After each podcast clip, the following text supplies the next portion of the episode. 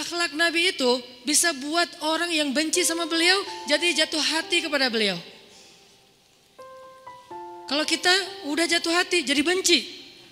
Kebalik. Nabi orang yang marah kepada beliau jadi jatuh cinta. Kita hampir jatuh cinta jadi marah. Kebalik nih akhlaknya. Berarti kita harus belajar banyak nih dari Rasulullah tentang akhlak. Beliau tuh bisa bikin seorang perempuan yang suaminya baru terbunuh ayahnya terbunuh, pamannya terbunuh, saudaranya terbunuh dalam perang Khaybar. Yang dia bilang orang yang paling saya benci di muka bumi adalah Muhammad. Terus tiba-tiba yang namanya Muhammad datang menghampirinya di dalam tendanya, ditemani oleh beberapa orang sahabat. Lalu kisah itu diriwayatkan, Nabi datang dengan raut wajah yang penuh empati. Dengan raut wajah yang penuh empati, bukan raut wajah orang yang sebagai pemenang perang Kan Nabi menang perang waktu itu.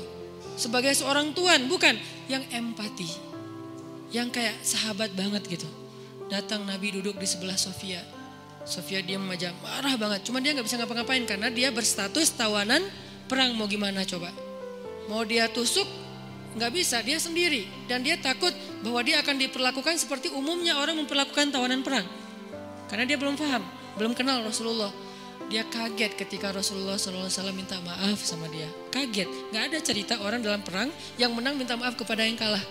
Ada nggak cerita kayak gitu? Nggak ada tuh. Yang menang minta maaf sama yang kalah. Maaf ya kami menang. Jangankan perang, sepak bola aja susah nyari yang kayak gitu kan ya. Ini akhlak nih untuk kita teman-teman di Bandung dengan Persibnya, nanti di Jakarta dengan apa Jakarta teh? Persijanya, Nanti yang menang siapa pun yang tanding, maaf ya menang. Dari mana lo akhlak kayak gitu? Rasulullah. Cie. Karena yang itu lebih serius loh daripada bola. Bola kan cuma permainan, entertain, olahraga kan. Gak seserius perang. Perang itu serius. Kalah itu meninggal artinya terbunuh. Kalau kita kalah paling ya kurangin apa eh, nggak dapat skor gitu, nggak dapat poin. Kalau itu kalah terbunuh. Nabi datang minta maaf dengan ekspresi uh, empati yang tinggi, yang dalam. Nabi itu kayak ngerasain banget perasaan Sofia. Minta maaf, menjelaskan.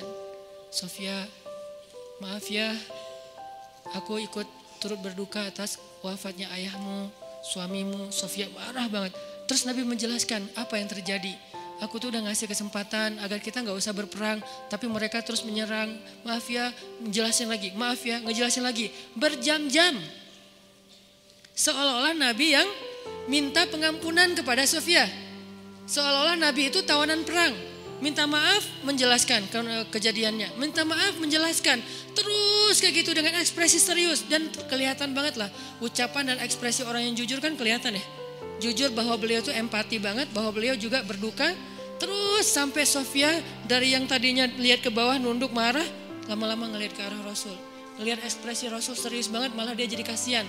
Sampai akhirnya dia jatuh cinta kepada Rasulullah SAW.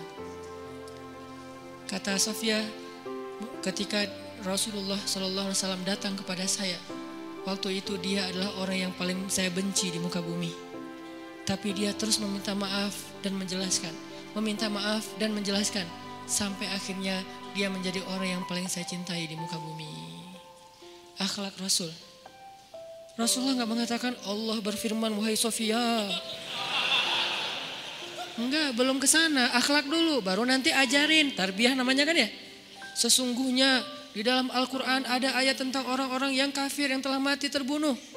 Enggak, Rasulullah tuh tahu jangan ngomongin tentang ayahnya yang mati terbunuh, ibunya yang apa, pamannya, suaminya yang mati dalam keadaan kafir. Nabi nggak mau ngomongin itu kenapa? Menjaga perasaan Sofia. Kok masih dijaga sih perasaan kan mereka beda agama, mereka orang kafir.